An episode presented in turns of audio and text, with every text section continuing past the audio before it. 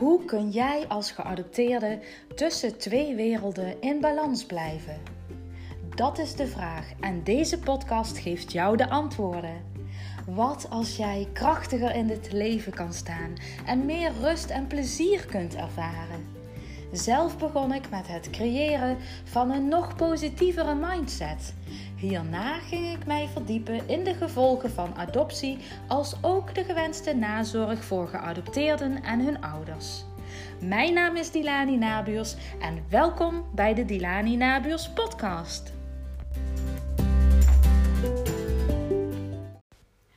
Allereerst wil ik jullie bedanken voor jullie lieve en leuke reacties op mijn vorige aflevering. Fijn dat jullie ervan genieten en ik jullie ook daadwerkelijk kan inspireren. Ik hoor zelfs van meer mensen dat mijn stem hen rustig maakt en dat ze het ook fijn vinden om meer over adoptie te weten te komen. Na mijn vorige aflevering over geborgenheid vinden in jezelf werd mij nog gevraagd wat ik zelf nog meer doe om die geborgenheid te vinden. In deze aflevering geef ik je dus nog wat extra tips en ideeën voor wat jij kunt gaan doen om lekker te ontspannen en te genieten van je eigen gezelschap. Ik noemde al het nemen van een bad. Hiervoor kun je een heerlijke badolie kopen met een geur die jou ontspant. Ook kun je natuurlijk een fijne douchegel kopen met een geur waar jij vrolijk of heerlijk ontspannen van wordt. Heb je zin in een schuimparty, dan koop je een lekkere badschuim en gooi je er gewoon net even iets te veel in. Verdwijn maar lekker in dat schuim. Ogen dicht en dream on. Ik probeer bijna iedere dag even te wandelen. Al is het maar een half uurtje. Ik ontspan gewoon helemaal als ik door de natuur kan lopen in mijn eentje. En natuurlijk vind ik het ook heel fijn om met mijn gezin of om met een vriendin te gaan wandelen. Maar als ik alleen ben, dan kom ik echt even helemaal tot rust. Wist je dat je dan ook ruimte maakt voor creatieve ideeën als je op een dag dus even rust inplant? Hierdoor worden wij mensen weer productiever en creatiever. Yoga is ook een hele mooie. Niet jouw ding? Dat dacht ik ook heel lang. En ik doe het ook nog steeds niet vaak. Maar ik heb pas een 30 dagen challenge gedaan met een groepje dames op WhatsApp. Oké, ik heb misschien 18 dagen daadwerkelijk de oefeningen gedaan, maar het deed me bijzonder goed. Ik wil het ook wel weer gaan oppakken om toch af en toe te blijven doen, want je concentreert je op je lichaam, op je ademhaling en je hoofd krijgt hierdoor rust. Daarbij stretch je natuurlijk je lichaam en voel je je hierdoor weer fitter en meer ontspannen. Nou, hoe kun je nog meer lief zijn voor jezelf? Wat vind je bijvoorbeeld lekker om te eten? Kook dat dan maar weer eens. Je kinderen vinden dit vies? Nou, dan kun je ze best een keer pannenkoeken geven en doe lekker je ding. Want kinderen hebben betekent niet dat je over 20 jaar pas weer je lievelingseten mag koken. Voor geadopteerden is het bijvoorbeeld soms ook fijn om iets te proberen, of zelfs vaker te eten, wat uit het land van herkomst komt. Zelf houd ik bijvoorbeeld van tropische vruchten zoals ananas of mango. Of kokos is soms ook lekker en dit kun je dan ook weer in verschillende vormen verkrijgen. Je hebt bijvoorbeeld kokoskoeken of kokosschaafsel voor in je yoghurt of je kwark. Of je bakt een ananas kokoscake.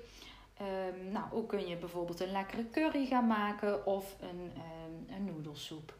Nou, denk je nu, oh bah, nee, vooral niet doen. Lekker bij die boerenkool blijven, en, want daar kan je ook gewoon heerlijk van genieten.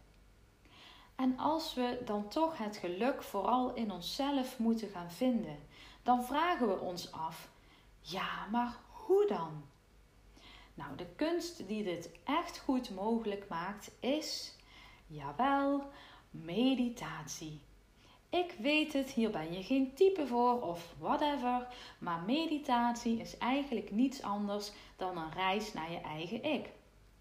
Wie mediteert doet eigenlijk niets anders dan zich concentreren en verzamelt hierbij zijn of haar krachten. Of ik dit dus braaf iedere dag doe?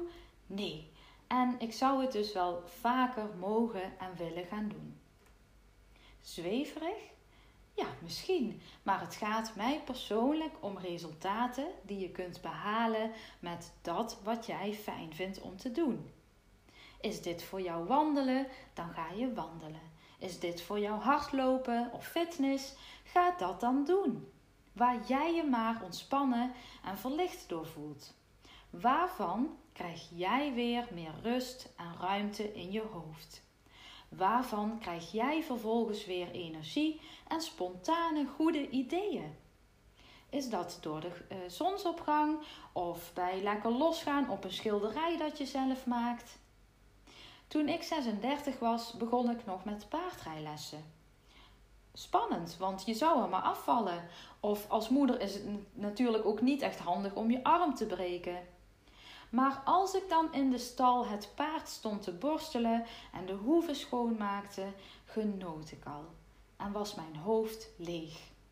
Ik was alleen maar bezig met het paard, net als met dansen of sporten. Het gaat erom dat je tijd maakt voor jezelf en doen wat goed voelt en doen wat jij fijn of leuk vindt om te doen. En hierbij ook echt soms even rust te nemen. Want paardrijden kan ontspannend zijn. Voor mij was het ook best intensief, omdat ik het nog moest leren. En een paard kan ook wel eens opeens in galop gaan, terwijl je voor de eerste keer op dat paard rijdt. Nou, hoe dat is afgelopen vertel ik je in mijn volgende aflevering. Nee hoor, grapje. Dat is allemaal goed gegaan. Ik vind het bijvoorbeeld ook heerlijk om in een zonnige tuin te zitten met een mooi boek. Of heerlijk te liggen op een lichtbedje en niks te hoeven doen dan alleen maar van de tuin en de zon te genieten. Geluk zit voor mij in rust, vrede, liefde en plezier. En dat zijn dan ook mijn kernwaarden. Wacht dus niet totdat je opgebrand bent geraakt door je dagelijkse stress of totdat je gedwongen wordt om thuis te blijven zitten vanwege een burn-out of depressie. En ook al is je situatie op dit moment niet helemaal zoals je zou wensen, of zelfs helemaal niet zoals je zou wensen, probeer er dan het beste van te maken. En bedenk daarbij hoe je dichter bij jouw geluk kunt komen.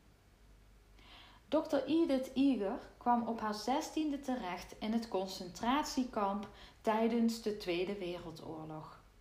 Ze was een danseres en moest daar ook dansen voor ene dokter Mengele. Ik weet niet of ik zijn naam goed uitspreek, maar deze dokter die had haar ouders daar vermoord. Ze kon het niet verdragen en besloot toen om met haar ogen dicht te gaan dansen. Ze verbeelde zich dat ze danste in het operagebouw in Budapest op Tchaikovsky's Romeo en Julia. Hoe donker haar dagen in het kamp ook waren, Edith ziet eh, de tijd die ze daar in Auschwitz doorbracht als het moment waarop ze ontdekte waar het leven om draait. Hier heeft ze geleerd om haar gedachten te sturen. Denkend aan wat haar moeder haar vertelde in de trein richting het kamp. Haar moeder zei: Onthoud dat niemand je gedachten van je af kan pakken. Ze vertelt ook dat haar zus en uh, zij zelf haar, hun haren eraf moesten laten scheren. En dat haar zus zich zorgen maakte om haar uiterlijk. Ze vroeg: Hoe zie ik eruit? En Edith die zei haar oudere zus Magda: Je ogen komen zo veel mooier uit. Want voorheen had ze altijd een pluk haar voor haar mooie ogen. In mei 1945 wordt het kamp bevrijd en de soldaten vinden de uitgeputte Ede tussen de stapels overleden lichamen. Haar eigen lichaam is ook helemaal op. Ze weegt nog maar 32 kilo. Ze heeft een gebroken rug en lijdt aan een longontsteking. Daarna gaat ze trouwen en ze voelt zich schuldig, omdat zij het kamp wel heeft overleefd. Toen Edith Eger besefte dat ze echte vrijheid alleen kon bereiken door te vergeven en los te laten, bracht ze nog één keer een bezoek aan de plek die haar voor het leven getekend en gevormd heeft.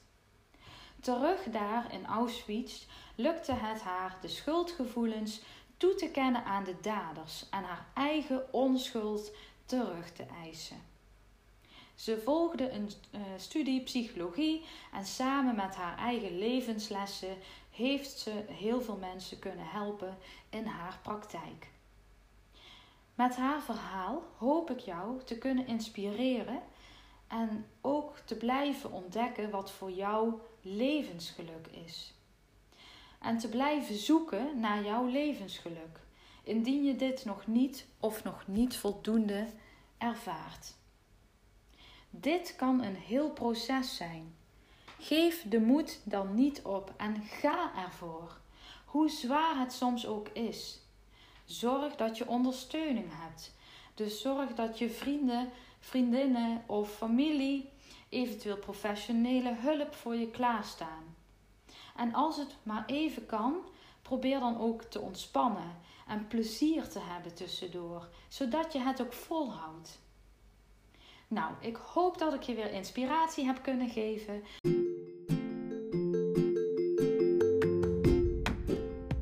Hartstikke bedankt voor het luisteren. En mocht je iets terug willen doen voor alle gratis content die je van mij ontvangt, dan waardeer ik het enorm als je deze aflevering deelt in jouw stories en mij even tagt. Zodat ook andere personen kunnen gaan genieten van meer rust en plezier in hun leven. Ik hoop dat ik je weer meer inzichten heb kunnen geven.